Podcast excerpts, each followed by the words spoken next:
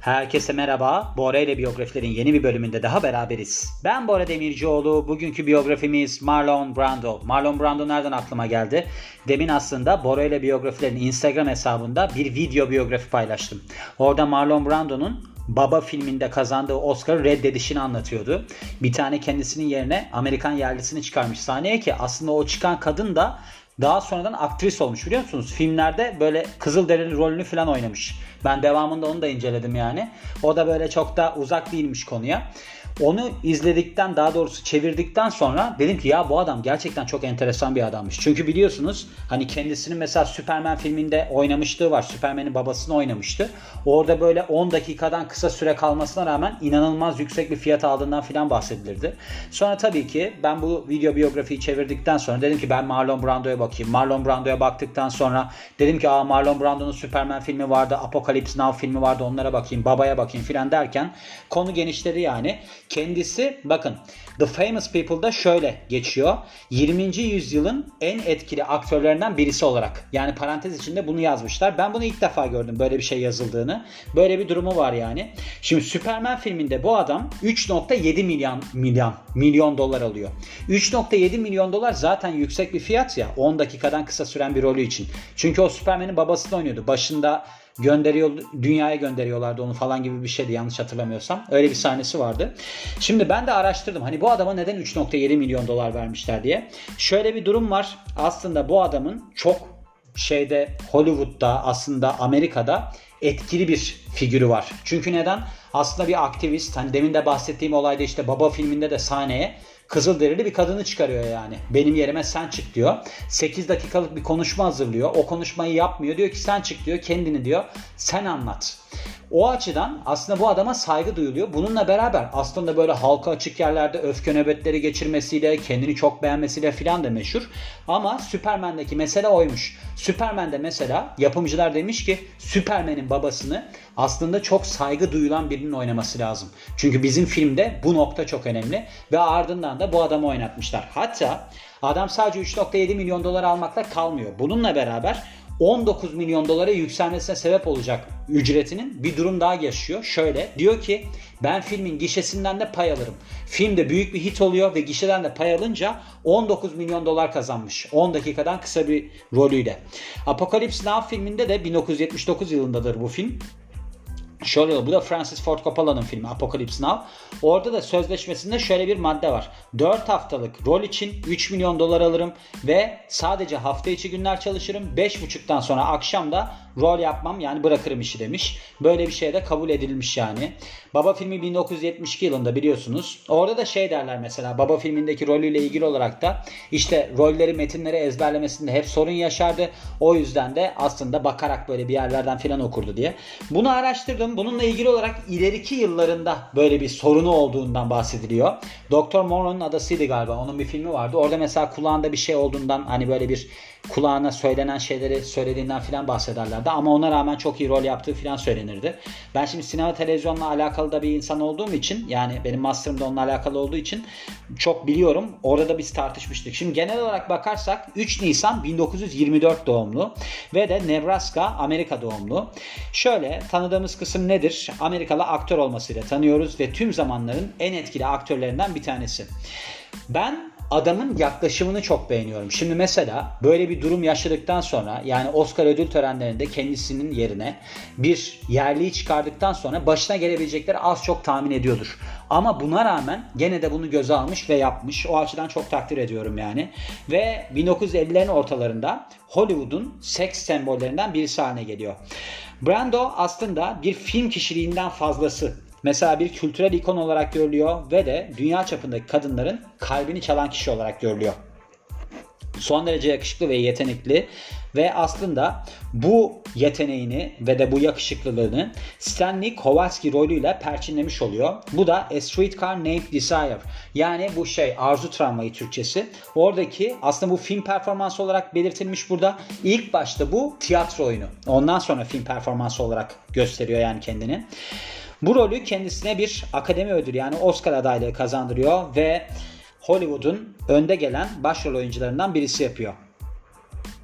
Ardından Oscar ödülünü Terry Malloy karakteriyle kazanıyor. Bu da On the Waterfront filmindeki performansı ve en iyi performanslarından birisi olarak görülüyor. Ve yıllar içerisinde de pek çok filmde yer alıyor. Bu filmler hem ticari yönden başarılı oluyor hem de eleştirel yönden başarılı oluyor. Ve Hollywood'un en büyük yıldızlarından biri olarak yerini sağlamlaştırma fırsatı tanıyor. Aynı zamanda demin de bahsettiğim gibi pek çok vesileyle hak savunuculuğu yapıyor. Bunların arasında mesela Afro-Amerikalıların sivil hakları var. Bunların hareketleri var. Bununla beraber Amerikan yerlilerin hareketleri var. Bunlara hep destek veriyor. Zaten demin bahsettiğim olayda bu Oscar ödüllerinde Oscar reddetmesi olayında da yazışmışlar kadınla ilk başta. Yazışıyorlar, yazışıyorlar. Ondan sonra kadına diyor ki tamam diyor sen diyor böyle bir şeyde kendini göster. Şu var çok fazla kadınla beraber olması sebebiyle kendini çok fazla beğenmişliği ve de işte halka açık yerlerde öfke nöbetleri geçirmesi sebebiyle kendine bir kötü çocuk ünvanı kazanıyor. Yani öyle bir ünvan ediniyor. Ve aslında tabii ki hani bu büyüleyici ve de iyi görünüşlü aktör yine de izleyicilerin beğenisini kazanmaya devam ediyor. Zaten biliyorsunuz iyi kızlar kötü çocukların diye bir laf da var. Bu adam yani 4 tane evlilik geçirmiş. Bununla beraber mesela kendisinin bir tane yanında çalışan kadından da 3 tane çocuğu oldu yanlış hatırlamıyorsam. Öyle şeyleri de var. Boyu 1.75. İdeal erkek boyuna 5 santim uzak. Yapacak bir şey yok. Ölüm tarihi de 1 Temmuz 2004. Biliyorsunuz ölmesine yakın zamanlarda oğlunun bir durumu oldu. Ölü, oğlu bir adam öldürdü. Zannedersem üvey kız kardeşiydi. Bununla ilgili olarak da Bora ile biyografilerde ben video biyografide paylaşmıştım. Adamı çok sarsan durumlar oldu yani. Adam aslında derinlikli bir adamdı da derinlikli insanlar genellikle agresif bulunurlar. Yani sorunları oluyor. Çok derinlerde yaşadığınız zaman işte obsesyon gelişebiliyor, sorunlar yaşayabiliyorsunuz. Mesela Christopher Reeve kendisiyle çalışmaktan hiç memnun olmamış. Demiş ki ben demiş onu demiş hani sette bir yönetici olarak düşünmüştüm. Hani her şeyi yoluna koyan bir insan olarak düşünmüştüm. O sadece parasına bakıyordu filan diye düşünmüş. İşte demiş ki benim rolümle ilgili olarak bana hiç destek vermedi filan. Ben de şöyle düşündüm. Adam senin rolünle mi uğraşacak? Sen oyuncu değil misin zaten? Sen kendin yap rolünü. Yani adamın öyle bir destek vermeye ihtiyacı yok. Seninle uğraşmak gibi bir mecburiyeti de yok. Bence benim fikrim yani. O açıdan biraz agresif olması, bu halka açık yerlerde öfke nöbetleri geçirmesi falan normal. Çünkü muhtemelen adamın üstüne çok geliyorlardı. Şimdi şöyle anne ve babasına bakarsak aslında babası şeymiş bu ilaçlama yapan birisiymiş ve de kimyasal böyle bir besin üreten kişiymiş. Hani bununla alakalı olarak herhalde böcek ilaçları falan üreten birisiymiş. Ve annesi de aktris. Kendinden büyük iki tane de kız kardeşi var. Çocukluğu son derece sorunlu geçiyor çünkü hem annesi hem de babası alkolik ki zaten ileriki zamanlarda yaşadıkları yaşadığı sorunlarla alakalı olarak insanların altını çizdiği nokta bu. Diyor ki onun böyle sorunlar yaşaması çok normal çünkü anne ve babası alkolikti ve babası aslında çok böyle şiddet içeren konuşmalar yapan birisiymiş. Yani şeymiş. Mesela adama diyormuş ki sürekli senden hiçbir şey olmaz. Sen boşuna uğraşma falan diye. Hatta adam öldükten sonra yani babası öldükten sonra Marlon Brando kitabında şöyle bir yere bir, konuya yer veriyor. Diyor ki keşke birkaç saniye daha yaşasaydın da senin o çeneni kırsaydım diye bir açıklaması var yani kitabında. Ve şöyle oluyor. Anne babası sonunda ayrılıyorlar. Annesiyle Kaliforniya'ya taşınıyor. Ardından anne babası tekrar barışıyorlar ve Chicago'ya geri dönüyor. Kız kardeşi Jocelyn Brando bu kadının adı da American Academy of Dramatic Art'ta New York City'de eğitim görmeye başlıyor ve Marlon'daki potansiyeli görerek diyor ki sen diyor oyunculuk yap. Sen bu işte başarılı olursun.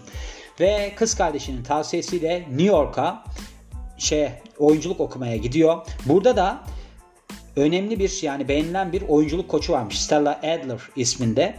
Onunla beraber çalışıyor. Diyor ki bu kadın benim aslında oyunculuğa geçmemdeki en büyük etkendir. En büyük katalizördür.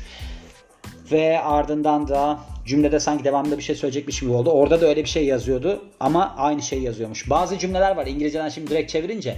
Yani Türkçesine de çevirdiğin zaman aynı şeyi çevirmiş oluyorsunuz. Kariyerine bakarsak Marlon Brando aslında bir sahne aktörü olarak yani tiyatro sahnesinde oyunculuğa merhaba diyor. Oyunculuktaki çıkışını yapıyor.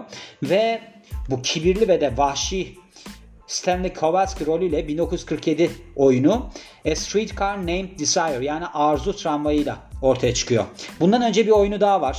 Tam hatırlayamıyorum ismini ama birkaç kaynaktan baktım ben. Yani bununla çıkışı yapmamış aslında. Ve sahnedeki başarısının ardından filmlere geçiş yapıyor. İlk film çıkışını 1950 yılındaki The Man filmiyle yapmış. Burada da belden aşağısı felçli bir şey Gazi'yi canlandırıyormuş. Sonraki yıl Stanley Kowalski rolü vardı ya tiyatroda canlandırdığı Arzu Tramvayı'ndaki. Bunu film adaptasyonuyla devam ettiriyor ve performansı büyük beğeni kazanıyor. yıllar içerisinde pek çok başarılı filmde yer alıyor. Bunların arasında 1952 yılındaki Viva Zapata, On the Waterfront 1954 yılındaki, 1955 yılındaki Guys and Dolls ve 1958 yılındaki The Young Lions var. 1950'lerin ortalarında Brando Hollywood'daki en büyük yıldızlardan bir tanesi. 1950'lerdeki büyük başarısına rağmen popülerliği 1960'larda düşüşe geçiyor ve aslında hiç başarılı filmlerde yer almıyor. Hatta öyleymiş ki bu 10 yıllık zaman dilimi içerisinde bir tane bile başarılı filmi yok. Ve ardından da kariyeri düşüşe devam ediyor. Ve 1970'lerde aslında düşüş devam ederken 1972 yılında Baba filmindeki Vito Corleone, Don Vito Corleone rolüyle çıkışını gerçekleştiriyor. Son derece iyi bir performans sergiliyor ve ölen kariyerini canlandırma fırsatı tanıyor ve tekrar Hollywood'un en büyük yıldızlarından bir tanesi oluyor. Pek çok ödül ve adaylık kazanıyor. Ama bu Baba filmindeki Oscar ödülünü işte geri çeviriyor. O kadını çıkarıyor sahneye, yerliyi çıkarıyor sahneye. 1980'de benzin kodamanı Adam Stifle The Formula filmiyle çıkışını yapıyor tekrar ve bunu takiben de oyunculuktan emekli olduğunu açıklıyor. Ancak Beyaz Perde'ye A Dry White Season 1989 yılındaki rolüyle geri dönmüş. Burada Donald Sutherland, Janet Sazman ve Zakes Mokaya bununla beraber Susan Sarandon da rol almış. Ve burada da insan hakları avukatını oynamış. Şöyle bir canlandırma yapmış. Büyük işlerine bakarsak Terry Malley bu da suç drama filmi On the Waterfront'taki kendisinin tartışmasız en iyi performansı kabul ediliyormuş. Ve burada bir tane liman çalışanını canlandırıyormuş. Buradaki bozulmayla, yozlaşmayla ve haraçla baş etmeye çalışan. Marlon Brando aynı zamanda tabii ki The Godfather yani Baba filmindeki rolüyle de son derece büyük övgü kazanıyor. Burada da biliyorsunuz artık yani izlemişsinizdir muhtemelen diye düşünüyorum. New York temelli bir suç ailesinin liderini canlandırıyor ve dünya sinemasındaki en büyük performanslardan biri olarak sayılıyor. Ödüllerine bakarsak 1954 yılında On the Waterfront filmiyle en iyi aktör Oscar'ını kazanıyor. Aynı zamanda en iyi aktör dalında aynı rolle Altın Küre'de kazanıyor. 1972 yılında Oscar ödülünü kazanıyor The Godfather rolüyle. Yani The Godfather'daki rolüyle, Baba filmindeki rolüyle. Ancak demin de bahsettiğim gibi bu televizyon sektöründe ve de film sektöründe Amerikan yerlilerine yapılan aşağılamayı reddetme amacıyla ödülü reddediyor. Ödülü geri çeviriyor. Kişisel yaşamı ve mirasına bakarsak aslında Marlon Brando'nun kişisel yaşamı çok tartışmalı. Çünkü bir kadın düşkünü olarak isimlendiriliyor ve pek çok kadınla ismi geçiyor. Aynı zamanda da çok fazla çocuğu olduğundan bahsediliyor. Pek çok kez evleniyor. Ana Kaşfi ile 1957 yılında evleniyorlar ve bir çocukları dünyaya geliyor. Erkek çocukları dünyaya geliyor. Tabii ki boşanmayla sonuçlanıyor. Bu çocuk galiba zaten kız kardeşini öldürüp sonrasında hapse falan düşen. 1960 yılında Movita Castaneda ile Castaneda ile evleniyor. Bu da Meksikalı Amerikalı bir aktrismiş. İki tane çocuklar oluyor ancak bu evlilik de uzun süre uzun ömürlü olmuyor. Üçüncü eşi Tarita Teripaha Para, Paha o okunuşu böyle herhalde. 1962 yılında evleniyorlar. Çiftin iki tane biyolojik çocuğu oluyor. Aynı zamanda eşinin kız çocuğunu ve de yeğenini de evlat edinmiş. Ve ardından da yine boşanmayla sonuçlanıyor. Eşlerine ek olarak pek çok kadınla da ilişkisi oluyor. Mesela uzun süreli bir ilişkisi varmış. Bakıcısı yani housekeeper evin temizleyen kadın Maria Cristina Ruiz'le ki 3 tane daha çocuğu olmuş bu kadından. Aynı zamanda diğer ilişkilerinden de çocuğu olduğu söyleniyor. Marlon Brando son yıllarında sağlık sorunlarıyla baş etmeye çalışıyor. Diyabeti var ve karaciğer kanseri ve diyabet sonucunda da göz gözleri etkileniyor. Yani görme yetisi bayağı bir etkileniyor olumsuz yönde. Ve ardından da pulmoner fibroz sebebiyle sebebiyle yani bunun devamında da bir kalp yetmezliğiyle Temmuz 1 Temmuz 2004'te hayata veda ediyor 80 yaşındayken. Biraz karışık bir şey olmuş burada anlattığı durum olmuş. Onun için hani biraz toparlaması zor oldu yani. Gördüğünüz gibi yani büyük adam. Onu söylemem lazım. Hani başında ben bu şeylerden de bahsettim size. Yani bu kadar kısa süreli bir şeyde rolde bu kadar para vermezler adama. Aynı şekilde şeyde de var biliyor musunuz bir durum. Sean Connery var ya Sean Connery de Yüzüklerin Efendisi'nde bu Gandalf mı ne var ya beyaz saçlı adam izlediğim bir seri değil benim. Onun rolü teklif edilmiş ve filmden de pay alacakmış falan ve çok yüksek bir para alıyor yani. Hani filmden de pay verildiği zaman özellikle hesaplandığında filmin hani gişesi çok yüksek bir para. Demiş ki Sean Connery ben demiş bu karakteri anlamadım. Yani ne yapacağımı anlamadım. Onun için ben bunu oynamak istemiyorum demiş. Öyle geri çevirmiş. Yani baktığınız zaman gerçekten çok büyük oyuncular. Çok da sorunlu tiplerdir muhtemelen. Sean Connery'i bilmiyorum ama Sean Connery öyle bir çapkın bir adam değildi. Ama bu adamın bir devinimi var. Yani insanların bir devinimi olması gerektiğine inanıyorum. Hayata kafa tutma, işte ilişkilerinde sorunlar yaşama filan. Onlar insana bir bence özellik katıyor. Yani çok normal durumlar değil ama insanın ruhu böyle oluyor bazısının. O açıdan da hani yapılacak bir şey yok ama efsane oldu mu evet oldu. Mesela Will Smith'in tokadı gibi bu adamın da işte Oscar'ı reddetmişliği var ve onun yerine kendisinin yerine bir Kızılderiliği yani bir yerliyi sahneye çıkarmışlığı var. Unutulacak bir insan mı? Hayır değil. Onun için böyle insanlar olmamız gerektiğini düşünüyorum diyorum ve bu biyografinin de sonuna geliyorum. Beni dinlediğiniz için çok teşekkür ederim. Ben Bora Demircioğlu. Yeni bir biyografide görüşmek üzere. Hoşçakalın.